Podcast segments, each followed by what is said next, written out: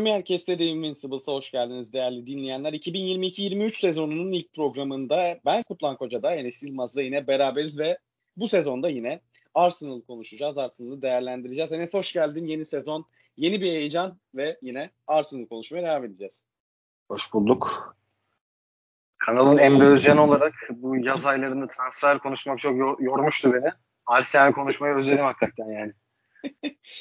Ee, Oğuzcan'la beraber siz mesaiye ara vermediniz tabii ama e, ben ara veren ara veren taraftaydım ve bir kere size konuk olmuştum yine bir Arsenal transferi e, için ki e, kara para aklayıcı aslında olarak gelmiştim. Tuttuğu takımdan diğer bir tuttuğu takıma transfer yapan Porto'dan Arsenal'la Fabio Vieira'nın transferini değerlendirmiştim ve Arsenal'ın aslında e, iyi geçti diyebileceğimiz transfer döneminin e, dikkat çeken transferlerinden biriydi Fabio Vieira. Değerlendireceğiz. Transferleri değerlendireceğiz. E, yeni sezondan ne bekliyoruz onu değerlendireceğiz. E, hatta e, yavaş yavaş bir giriş yapalım. E, yaz senin için Arsenal adına nasıl geçti? E, ve yeni sezon e, neler bekliyorsun? Crystal Palace maçı e, yavaş yavaş gideceğiz ama birkaç cümlelik bir değerlendirme alayım. Ya şu ana kadarki dönemi yani 31 Temmuz itibarıyla 10 üzerinden 7, 10 üzerinden 8 veriyorum transferlere, transfer dönemine. Ya Arsenal için Arsenal ortalamasına göre yüksek bir puan. Tabii yani bir de tabii o, o, o 2-3 puan nereden kırdığını merak ediyorum onu soracağım tabii. Tamam. Onu diyecektim ben de tam şimdi. Orta sahaya bir evet. takviye yapıldığı anda Tilemans olur, X bir isim olur, pakete makete isimleri geçiyordu bir ara. Orta sahaya bir transfer yapıldığı anda onun üzerinden 10 olur benim için.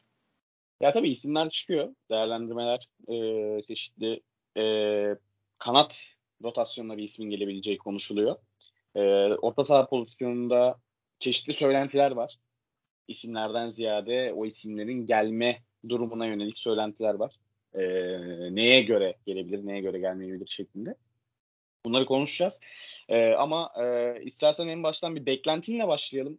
E, Edu Gaspar'ın, e, sportif direktörün geçen hafta Atletik'e verdiği bir röportaj vardı. İstersen oradaki bir cümleyle başlayalım. Edu ilk geldiğinde, 2019'da bu kulübe ilk geldiğinde hedefin 2022-23 sezonu olacağını yöneticilere e, söylemiştim. Takım sahiplerine iletmiştim. Ve 5 yıllık planımı sunduğumda hedefimizin bu sezon olacağını ve bu sezondan itibaren e, bir şeylerin, bazı hedeflerin netleşip harekete geçeceğimizi söylemiştim.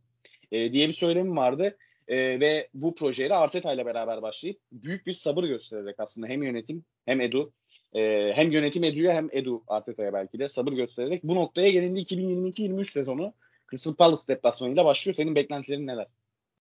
İyi bir sezon olacağını düşünüyorum ciddi ciddi yani. Bir kupa garanti görüyorum. Bir kupa alır bu takım. Artık FA Cup mı olur? Karabağ mı olur? UEFA mı olur bilmiyorum ama ufukta bir kupa varmış gibi hissediyorum ben bu sezon için. Takım gösteriyor yani bir şeyler. Ee, ligde de ligde de hissiyatım üçüncü olacağımız yönünde. Ya yine bu ilk dörde bu kesin girecekmişiz yani ilk dörde girecekmişiz gibi gör, düşünüyorum şu anda yani. Şu anki takımların haline bakıyorum. Bence Chelsea acayip düşecek. Öyle böyle bir düşüş beklemiyorum ben Chelsea'den. Tottenham'ın Tottenham'ın arkasında kalacak. Bizim de arkamızda kalacakmış gibi geliyor. İlk dördü ben şu an itibariyle Premier Lig'de City, Liverpool, Arsenal, Tottenham olarak görüyorum. Beklentim o yönde yani. Geçen evet. hangi say geçen hangi sayfada gördüğümü hatırlamıyorum. Bir tanesi şey yazmıştı. Ee, Chelsea'yi 6. sıraya koymuş.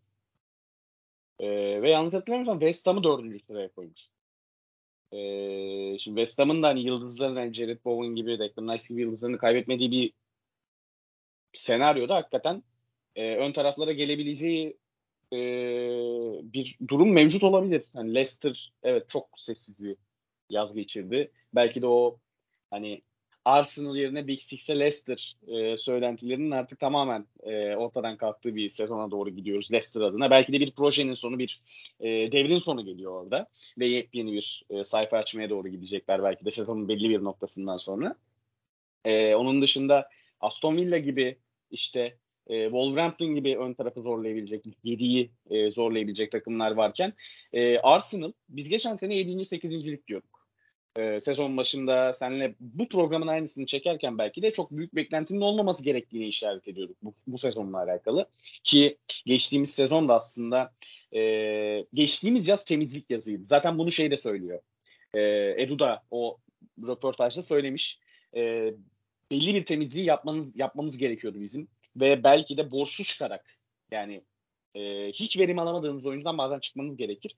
Üstüne para vermek gerekiyorsa dahi ki bu yaşandı. Yani en basiti e, ülkemize gelen ve e, şu anda geldiği takımın değil Başakşehir'in formasını giyecek olan Mesut Özil'le bile yaşandı bu.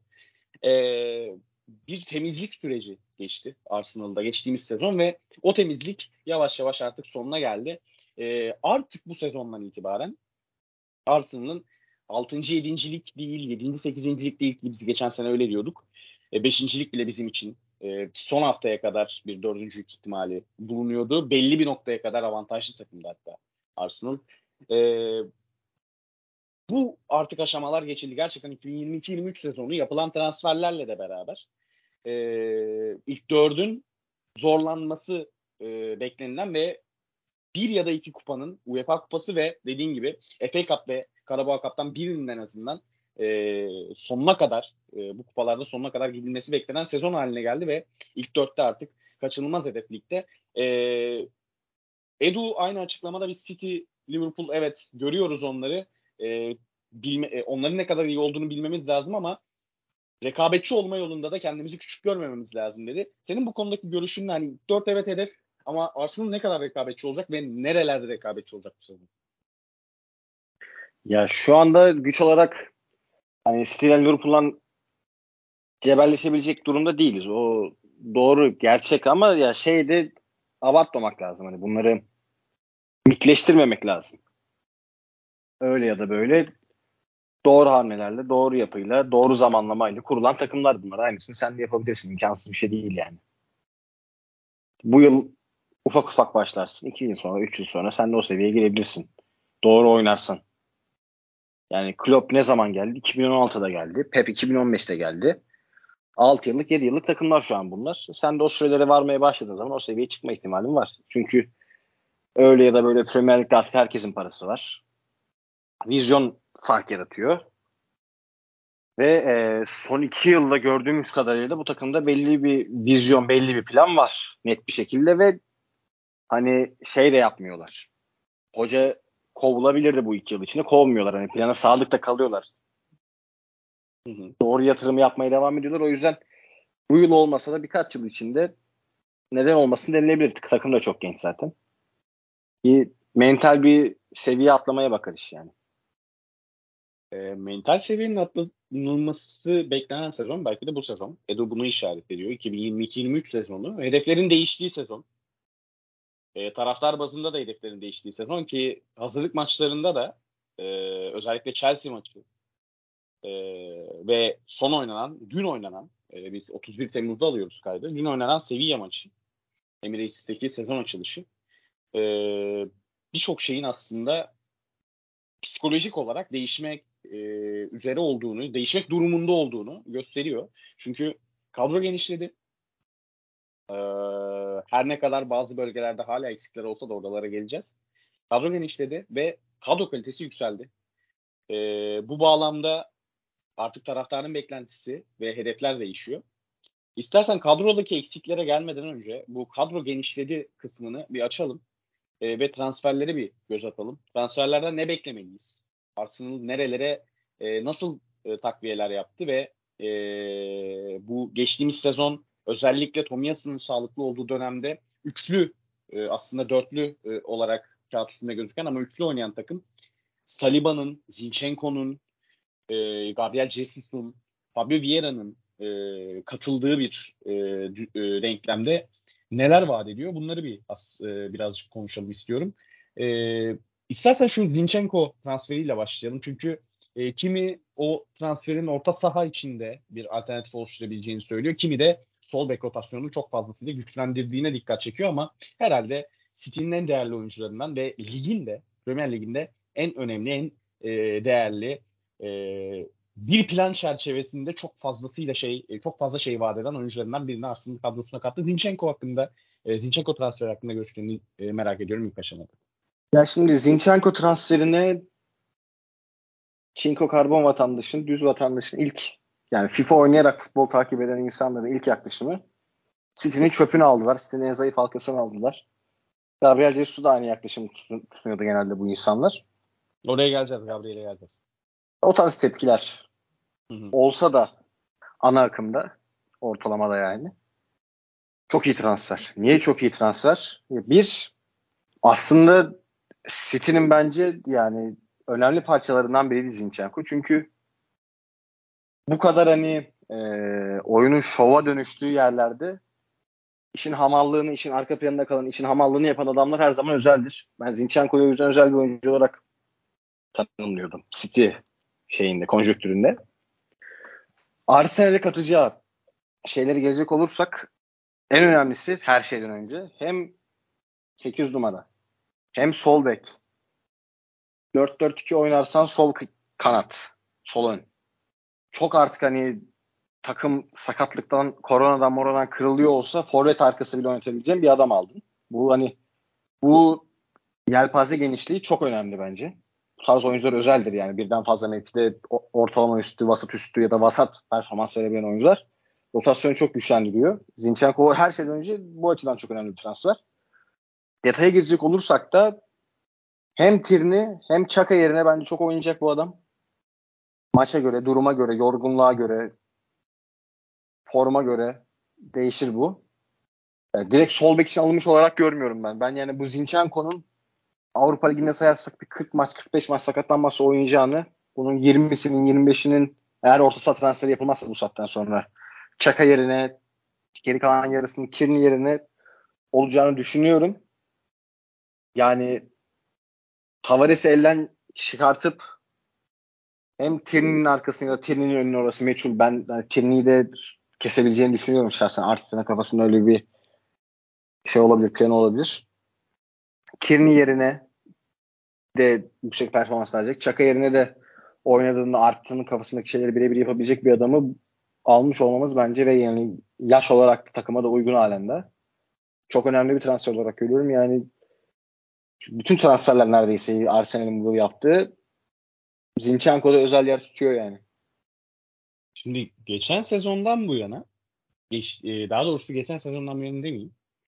E, birkaç e, transfer dönemi de e, Arsenal'ın özellikle bunu geçen sezon gördüğümüz için geçen sezondan bu yana diye başlaması yanlış değil de Arsenal'ın transfer politikasında gördüğümüz bir numaralı şey belki de gelen oyuncular daha doğrusu iki şey diyelim. Gelen oyuncuların bir genç olması yani prime'ına daha gelmemiş yaklaşan veya prime'ında çok şey vaat eden oyuncular olması.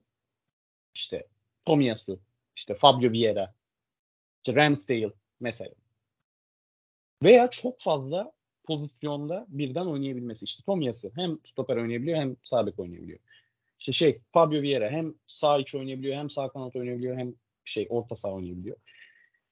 Zinchenko hem orta sahada o Guardiola'nın ve aslında e, Arteta'yla da çalıştığı, beraber çalıştığı dönemde e, Guardiola'nın bunu uyguladıkları ve bunu vaat eden oyuncu olarak aslında City'ye kazandırdıkları. E, hem orta saha hem sol bekle oynayabilen ve ikisinde de e, plana göre çok fazlasıyla verim verebilen ki normal pozisyon zaten sol bek. Ha üçlüde de kanat bek olarak e, görev yapabilen belki gerçekten sakatlıktan kırılıyor veya işte yani umarım öyle bir şey olmaz tabii de işte hem Tierney'e hem de Gabriel'e bir şey olduğunda üçlüde veya bir plan çerçevesinde oraya da yani sol stopere de monte edebileceğiniz bir oyuncu. Çok fazlasıyla aslında çeşitlilik katan, kadroya derinlik katan tek bir transfer bir kadroya ne kadar derinlik katabilir? Birçok pozisyona ne kadar derinlik kat- katabilir? Arsenal'ın aslında transfer politikasının e, bir numaralı e, yönelimlerinden e, bir tanesi bu. Bir tanesi genç veya e, çok genç olmasa da prime'ına varmamış 24-25 yaşında oyuncu olması. Bir tanesi de kadroya çeşitlilik katabiliyor olması. Çünkü Arteta'nın oyun sisteminde bir maç içinde dahi birçok pozisyonda yer alabilecek oyuncuların olması gerekiyor. çakılı oyuncular yok mu? Var. Tabii ki var. Partey mesela çakılı bir oyuncu. Kaleciyi atıyorum. Partey mesela çakılı bir oyuncu. Veya Martin Odegaard'ın yeri belli ama o da saha içinde çok fazla yere aslında e, gidip geliyor. Çok fazla deplase olması gereken anlar oluyor sağ kanada. E, özellikle sağ kanada. Bukayo Saka ile yer değiştirdiği oluyor ki Fabio Vieira ile oynadığında daha çok yer, yer değiştirdiğini göreceğiz. Özetle kadroya derinlik katan ve çeşitlilik katan bir transfer. E, ama asıl kadroya derinlik ve çeşitlilik katan transfer belki de e, ön tarafı oldu. İki transfer e, var orada. Üç transfer var ama iki, ikisini biz e, değerlendirelim. Marquinhos'un çünkü kiralanma gibi bir ihtimal de var. Gabriel Jesus geldi ve e, benim asıl mevkim on numara e, ama kanatta da oynayabiliyorum. Çeşitli pozisyonlarda oynayabiliyorum diyen Fabio Vieira geldi. E, tabii ki Jesus'la e, başlamanı rica edeceğim. E, City'den gelen oyuncular e, diye başlamıştım az önce. E, Zinchenko'yu konuşmaya. Zayıf halka gibi görünüyorlar ama çok değerli oyuncular diye başlamıştım. Bir diğer değerli oyuncu bence de çok iyi bir transfer olan Gabriel Jesus. Dinliyoruz. Bizim geçtiğimiz sezon finalinde olması lazım. Orada ben şey demiştim. Ee, Jesus 2010 sonrası yapılan transferler arasında ilk 5'e girecek bir potansiyel vaat ediyor Arsenal kadrosunda demiştim. Arkasındayım. Yani hazırlık maçlarındaki performansı ne kadar güvenebiliriz? Hani oradaki şeyleri ne kadar kısa salabiliriz tartışılır. Ama öyle ya da böyle belli bir e, fikir verir bu maçlar. Ki zaten yani hazırlık maçı oynamadan direksiyona başlasa bile Arsenal Jesus'u biliyorsun, Saka'yı biliyorsun, Martinelli'yi biliyorsun, arkası oynayan Odegaard'ı biliyorsun. Yine kafanda bir şeyler canlanıyordu. İlk transfer haberleri çıktığında bile. Performa şey hazırlık maçlarında da performans da görmüş olduk öyle ya da böyle. Ben şöyle söyleyeyim ben ya inanılmaz şeyler yaşatacağını düşünüyorum bize. İnanılmaz şeyler. Çünkü oyuncunun bağlantı oyunu var. Klas seviyede var. Zaten sen geçen o pro- şey programına, sezon finali programına demiştin. Brezilya milli takımın hocası olsun, Guardiola olsun. Oyuncunun ne kadar iyi bir presçi olduğundan bahsediyor. Yani defansif katkısı da çok fazla var e, şeyde, taktik tahtasında. Ve bunun üzerine oyuncu gol atabiliyor. Hani belki örnek veriyorum 20'leri 20 belki olabilir de çok prime'ında. 25'lere 30'lara ulaşması imkansız olabilir. Doğru. Ama şu kadroda 15-20 gol arası 15 gol üstü Gabriel Jesus'un inanılmaz bir performans gösterdiği anlamına gelir. Takımın inanılmaz aktı anlamına gelir. Çünkü neden? Yanındaki Saka, sondaki Martinelli özellikle Martinelli aşırı skor üretecek oyuncular ileride. Ya bundan bir yıl sonra, iki yıl sonra, üç yıl sonra bunların performansı gitgide arttıkça art, şey Arsenal'in oyuncu oyunu iyice oturmaya başladıkça artık hani bir ezber seviyesine gelmeye başladıkça Sakaları, Martinelli'leri 20 gollerle anacağız belki de.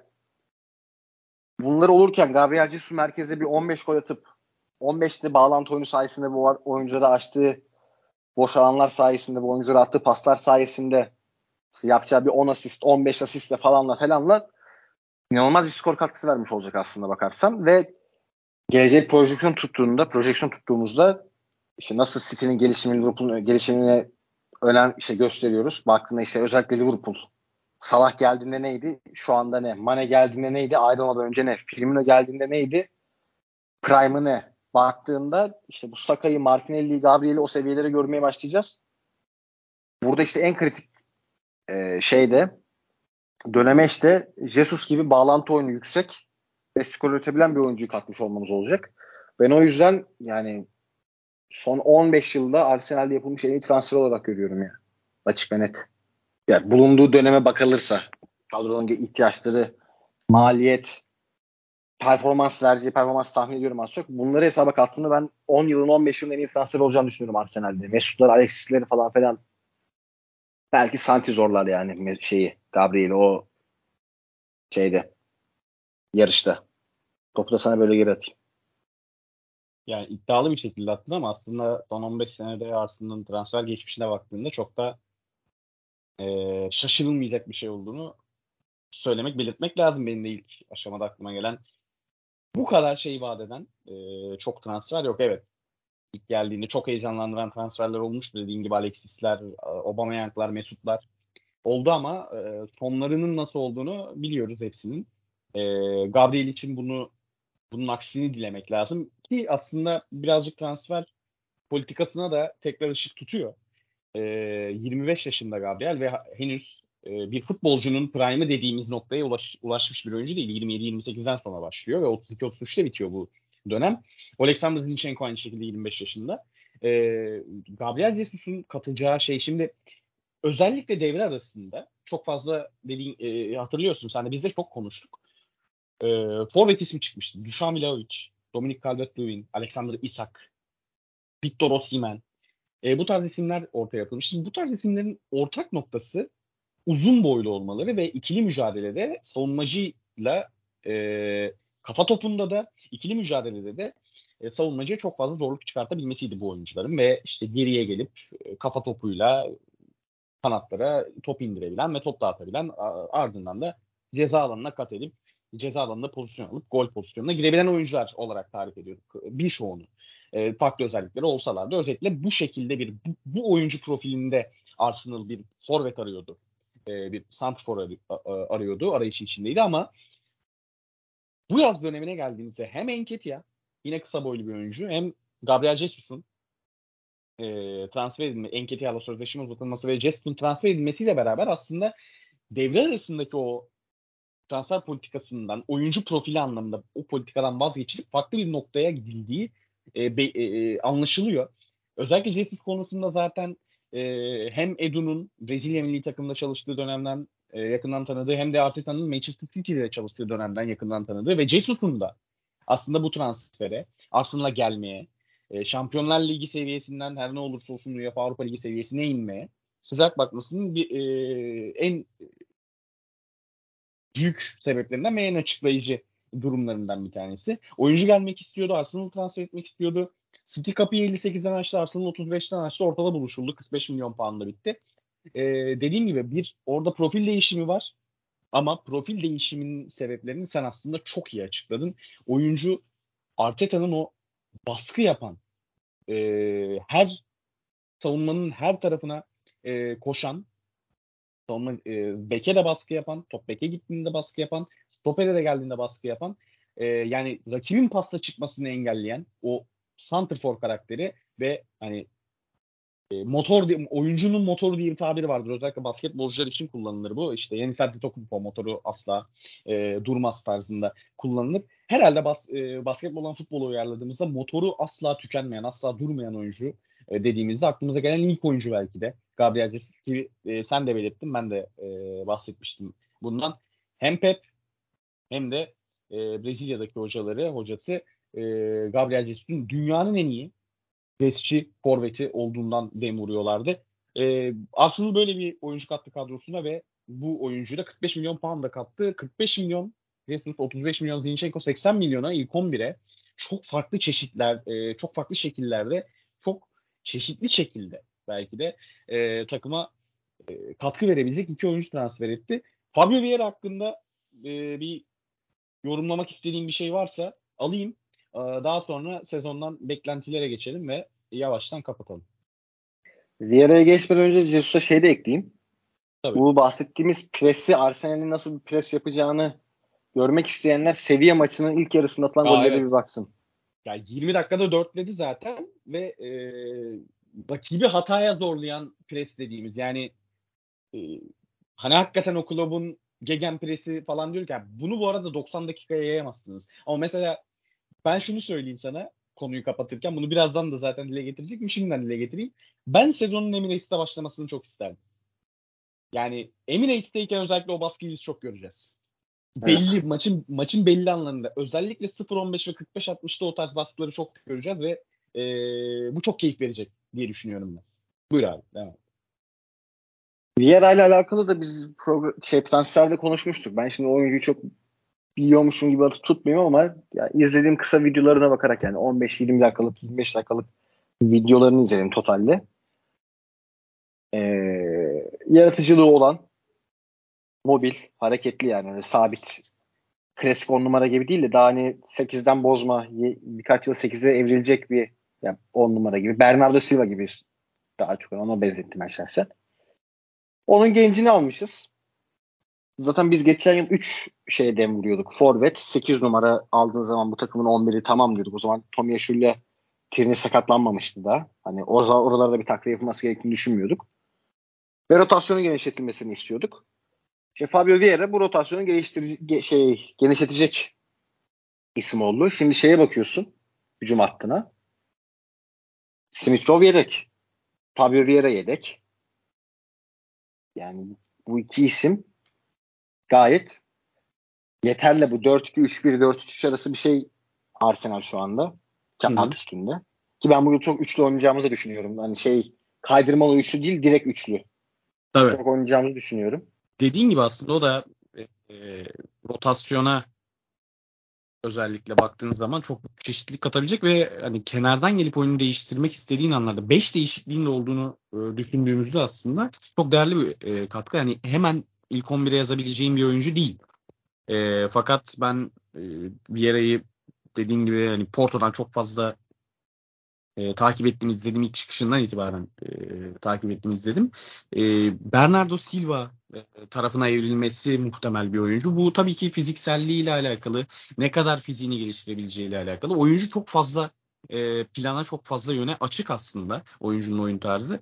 E, bir 10 numara olduğunu söylüyor kendisi. Yani ben 10 numarayım diyor ama sağ kanat olarak çıkmıştı. Sağ kanat ve 10 numarada forma giymişti. Solda da forma giyebiliyor. Çünkü solak bir oyuncu zaten. E, çok fazla çeşitlilik atan yani yine aslında Zinchenko ve Jesus transferlerinde olduğu gibi oyun planına çok fazla çeşitlilik katabilecek bir transfer. Son olarak e, çok kısa e, üçlü dedin. Bu Saliba'nın dönüşüyle alakalı da bir ufak görüşünü alayım sonra kapatmaya doğru gidelim. Ben şey diyordum geçenki programda Saliba ile alakalı. Ee, bazı hocalar bazı oyuncuları nedense istemeye keser gönderir. Galiba Saliba'da öyle olacak diyordum. Çünkü sebebi şuydu. Arsenal'in rotasyon, stoper rotasyonu çok dandikken bu oyuncu kiralık gönderdiler. Forma süresi alacağı çok barizken Marsilya'ya gönderildi. Sonradan fark ettik aslında geçen yıl kurban edilmiş bir yıl. O yüzden direkt ilk 11 oynayıp gelişmesi daha önemliymiş e, Saliba'nın. Ve gittiği yerdeki hoca da e, bu Arjantinli adını şu hatırlamıyorum. Sevilla'da çalışmış 2018'de Arjantin hocasıydı. Sampaoli. Yani Sampaoli'de yani e, oyun olarak pozitif oyunu seven stoperlerinden işte modern futbolun gereklilerini talep eden bir hocadır. Onun elinde de bayağı bir gelişmiş oyuncu. Ayağı çok iyi, çok sakin. Yani çok olgun bir oyuncu yaşına göre. Ve ortalama, futbol ortalamasına göre çok olgun oynuyor. Şeyde bayağı iyiydi yani hazırlık maçlarında falan bayağı düzgün top oynadı. Bu yıl işte ondan da bayağı bir şey bekliyorum. Zaten şey bu takım 80 maçı çıkacak tahmini neredeyse. Avrupa Ligi Avrupa Ligi derken. İyi şey vermesini bekliyorum ama bak şeyde demeyi unuttuk. Neyse onu beklentilerde söyleriz. Ama sonra girelim. Ya iyi formu süresi alacak, iyi bir gelişim sağlayacaktır ve şeyde ee, Ben White'ı dönem dönem sağ bek atıp sağ stoperde oyna, oynayabilir. Tommy Yaşun bu dinlenmesi gereken maçlarda bu tarz şeyler de yapabilir Arsenal. Hem defansif beki var iki tane hani Ben White Tomiyasu hem ofansif bek var Cedric Bellerin sağda. Hakim Arz'ı saymıyorum bile. Yani beşinciye koydum onu. Ya bu da aslında sağlam bir stoperin üçüncü, pla, üçüncü olarak arkada beklemesi de geliştiriyor. Rotasyonu da geliştirdi Arsenal'de. Yani evet. Ben White sağ hareketi atabiliyorsun Tabii. gerektiğinde. Sevilla maçına öyle başladı. Değil mi? Yani onu, o, evet evet. Üçlü gibi de diyebilirsin ona. Yani o da artık işte iyice karıştı Arsenal'in o şeyleri. Bu arada şöyle zaten ben ben White'i sağ beke attığı denklem aslında Tomiyasu'yu sağ beke attığı denklem gibi. Orada da işte aynı aynı. Yani Tomiyasu geliyordu arka tarafa. Gabriel sola kayıyordu. Ben White ortada oluyordu. Şimdi Ben White geliyor arka tarafa. Saliba ortada kalıyor. Şey e, Gabriel sola kayıyor. Aynı şey aslında. Yani o yüzden diyorum yani iki tane defansif bekim var, iki tane ofansif bekim var. Evet. Aslında sağda. Evet evet. Yani bu şeyi de sen söyle taktik tahtasında da bir iyi bir artı yazar bu takıma. Tabii tabii. E, sonuna kadar ki zaten dediğim gibi bu her transferin çeşitlilik katması e, esası gözetilerek yapılmasının sebebi bu. Hani ben Mike Day aslında geldiğinde stoper ama bugün baktığımızda yine sağ beke yazıp stopere kaydırabiliyorsun. Saliba aynı şekilde. Ee, Saliba da bu arada bu yılın transferi sayılır aslında. Hiç adam Evet, evet ben o yüzden zaten Saliba'yı sordum. Hani dün de Sevilla maçında da gördük biraz. O yüzden Saliba'yı da bir 2-3 dakika konuşalım istedim. Çünkü savunmaya çok büyük genişlik katacağını düşünüyorum ben. Holding'i e, 5. stopere e, artık e, attığımız bir e, şeye geldik. 4. stopere mi? Yok 5. 4 4 Tomias Tomias 5. Yani işte o öyle bir denkleme e, geldik. Orada da bir e, genişlik oldu ki iki sene önce David Luiz'ler, Pablo Mari'ler oynarken iki sene içindeki bu değişim burada yine aslında e, Edu'yu kutlamak lazım. İki ee, seneye bakmaya gerek yok ya. Geçen yıl ilk City maçına bak. E tabi canım. Cham- Chambers, Kolasinac, Holding. Holding. Aynen. Falan oynuyordu beşlide. Yani Pablo Mari de. Nereden nereye? Neyse. O zaman artık kısa şeye geçelim. Son 1-2 dakika diyelim ve e, sezondan beklentin diyeyim. E, kupa kupa gitmeyeceğim. Sadece hani gönlünden geçen ve tabii ki hani gönlünden geçen derken birazcık da mantıklı analizlerinle birleştirip bu sezon nerede biter? E, geçtiğimiz sezon yapmıştık bunu ve ikimiz de aynı noktada buluşmuştuk. E, 7. 8. demiştik ve takım beklentinin çok daha üzerine çıkmıştı. Ama hayal kırıklığıyla bitmişti. E, bu sezondan beklentin ne? Ya bu sezon daha pozitif bakıyorum tabii doğal olarak. Yani program başında az biraz bahsettim. Ligde 3-4 arası bir şey bekliyorum ben. Dediğim gibi Chelsea'nin şeyden e, masadan kalkacağını düşünüyorum orada. Avrupa Ligi'nde olası bir şampiyonluk keyif verir ya da final final oralar. Ki ben hani bu yıl Avrupa Ligi şampiyonluğuna ciddi ciddi inanan bir Arsenal taraftarıyım. Ee, yani az çok aklımda kaldığı kadarıyla Avrupa Ligi şeyini biliyorum. Ee, takımlarını hatırlıyorum şu anda. Arsenal'den daha bir takım gelmiyor aklıma. Hani Şampiyonlar Ligi'nden gelenler çok belirleyecek onu. Onun farkındayım. Tabii. Ama şu andan bir baktığımızda yani en iyi takım Arsenal demek abes olmaz gibi geliyor bana. Tabii. United United geç abi o işleri bu yıl için. Yani kendileri de aynı kafadalar büyük ihtimal. Yani Avrupa Ligi şampiyonluğu ligde 3-4 güzel oyun. Bunları bekliyoruz ama şimdi şöyle bir bilinmez var önümüzde. Yani dedim ya az sonra söyleyeceğim hesaba katmadığımız bir şey var diye. Hı hı. Dünyada eşi benzeri görülmemiş bir futbol sezonu olacak daha önce tarihte. Sebebi Kasım ayında ligler bir ara bir ay boyunca yatacak duracak ve şey izleyeceğiz biz. Dünya Kupası izleyeceğiz. Evet. Oradaki yaşananlar, sakatlıklar, oyuncuların yorulma durumları falanlar falanlar ligi nasıl etki eder? Bunun hesabını yapamıyoruz doğal olarak. Bu hani bu direkt şey etkileyecek bir durum. Ee, ligleri etkileyecek bir durum. Oyuncuların mental durumu mesela örnek veriyorum. Son Avrupa Kupası finalinde yaşanan işte Sakar'ın Makan'ın başına gelen tarzı bir başına gelen Hı-hı. olaylar tarzı bir olay yaşadığını düşün. Herhangi bir oyuncunun. Hı-hı. Ve direkt yani şimdi Saka olay yaşandıktan sonra bir buçuk ay top oynamadı. Ondan sonra lig başlamıştı. Evet. Bu kez o olay yaşanacak. Bir hafta sonra, iki hafta sonra sen kulübüne maça çıkmaya başlayacaksın. Psikolojisi de birazcık garip olabilir o yüzden. E, o tarz bir olay yaşamış bir oyuncunun. Hani çok bilmezlik etki, şey, ekle, ekleyecek bu durum. Evet. Bizim planlarımıza ama hani ben şey olarak bakıyorum şu anda. Dünya Kupası'nı hesaba katmadan normal bir sezon olarak ol, olsa bu yıl hı hı. tahminlerim az önceki gibi. Yani o şekilde baktığımızda ligde 3-4 Avrupa'da olası bir yarı final final şampiyonluk. Ve bu yıldan benim en büyük beklentilerimden biri geçen yıl aslında az biraz göstermiştik. ikinci maçlarda işte Ocak'taki City maçı Şubat'ta olması lazım Liverpool maçının ilk yarısı. Tabii. Hani yavaş yavaş böyle bir ufak ufak bir kafa tutma durumu vardı City Liverpool'a karşı. Mesela geçtiğimiz yıllara baktığımızda işte Chelsea, United ve Tottenham dönem dönem Solskjaer dönemindeki United dönem dönem City'den özellikle City ve Liverpool'dan puan alabiliyordu. Ama bunları yaparken tamamen şey yatıyordu. Ee, savunmaya yatıp kontrol kovalamaya bakıyordu. Hı hı. Geçtiğimiz yıldaki Arsenal City maçı kırmızı kart görene kadar ve hatta kırmızı kart gördükten sonraki dönümde de çok iyi oynadık o maçı. Çok akıllı oynadık. Hı hı. Son dakikada yediğimiz golle kaybettik. Ondan sonra Liverpool maçının ilk yarısı Arsenal'in işte bu az önce saydığım Chelsea'si, Tottenham'ı, United'ı gibi kapanıp kontrol kovalayarak değil de aslında birazcık cesaretli oynayarak çok da sinmedik. Tabii yine bir defansif oynadık. O ayrı bir hikaye ama radikal bir defans yapmadan kontrole yatmadan direkt yavaş yavaş kafa tutmaya başlamıştı City'den Liverpool'a. bu yıl en azından bir maçta bir 3 puan Liverpool'a karşı. Bu da beklentilerim arasında. Olur mu olmaz mı bilmiyorum ama böyle bir beklenti içerisindeyim. Bir beraberlik, bir galibiyet iki maçta. Ee, takımın psikolojik gelişim açısından, mental güçlenmesi açısından önemli olacağını düşünüyorum bu yıl için. E, mental güçlenme, psikolojik gelişim noktasında noktasından alacağım. City maçı özellikle geçen sezon yılbaşında oynanan maç yılbaşından sonra çok iyi bir e, sürecin başlamasını sağlamıştı.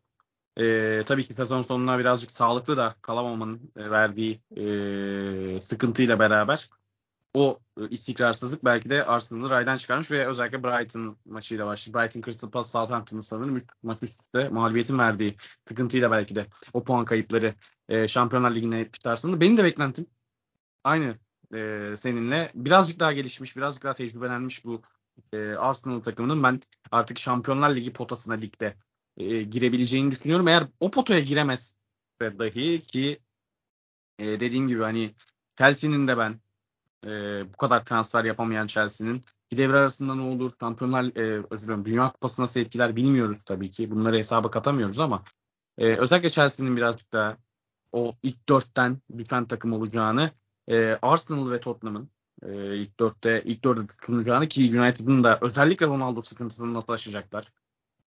E, oyuncu takımda itmana dahi çıkmamışken Ronaldo sıkıntısını nasıl aşacaklar? Bu büyük bir e, soru işareti. E, bu soru işaretleri arasında ben Arsenal'ın bir şekilde ilk dörde girebileceğini, gideceğini, e, gidemese dahi UEFA yoluyla bir şekilde artık 2023-24 sezonuyla beraber Şampiyonlar Ligi'ne döneceğini düşünüyorum. Benim ilk beklentim, tahminim bu yönde. Umarım e, yaklaşık bir 10-15 bölüm sonra konuşurken e, yanılmış olmayız. E, diyelim ve ekleyeceğim bir şey yoksa abi yavaştan kaçalım ki e, gelecek haftadan itibaren artık zaten maç konuşmaya maçlarla beraber. 40 dakikada doldurduk. Neredeyse. 40 dakikayı Hani şey at, 40 dakikada doldurduk neredeyse diyorum. Aynen. Aynen bayağı. Şey atmıyorum. Ee, Barcelona'ya falan girmiyorum bu programda. Hadi Yok bu programda geyik yapmayalım. Gelecek haftadan itibaren ona başlarız abi. Aynen başlarız. Bu yıl e, özel içerikler üretebiliriz. Ufak bir ihtimalimiz var öyle. Onu söyleyelim. Evet. evet. Arsenal evet. camiasına seslenelim. Özel demişken zaten e, bu özellerden bir tanesi 4 Ağustos'ta Amazon'da yayınlanacak olan All or Nothing belgeseli de olabilir. Onu da hatırlatalım. Ge- geçtiğimiz sezonun hikayesinin anlatılacağı ki Arsenal tarihinin en çalkantılı, en değişik ki bundan 5-10 yıl sonra başarılar e, gelmeye başladığında e, belki de umuyoruz öyle umuyoruz başarılar gelmeye başladığında e, bu Daha sezon ikonikleşmiş bir evet, sezon olacak. Evet sezon ikonikleşmiş e, bir yerde olacak. E, diyelim ve e, yavaştan kapatalım Enes ağzına sağlık. Teşekkürler senin de. Ve e, yeni sezon hayırlı olsun diyelim efendim. E, özellikle Arsenal'a, e, başta Arsenal'a olmak üzere bütün takımlara başarılar dileyelim. Ve şimdiden e, iyi seyirler dileyelim efendim. E, bir sonraki Deyim Listimiz'la görüşmek üzere. Ben başarılar dilemiyorum burada. Arsenal kazansın sadece. Bitti bu ya. İyi polis kötü polis. Başlıyoruz hadi bakalım.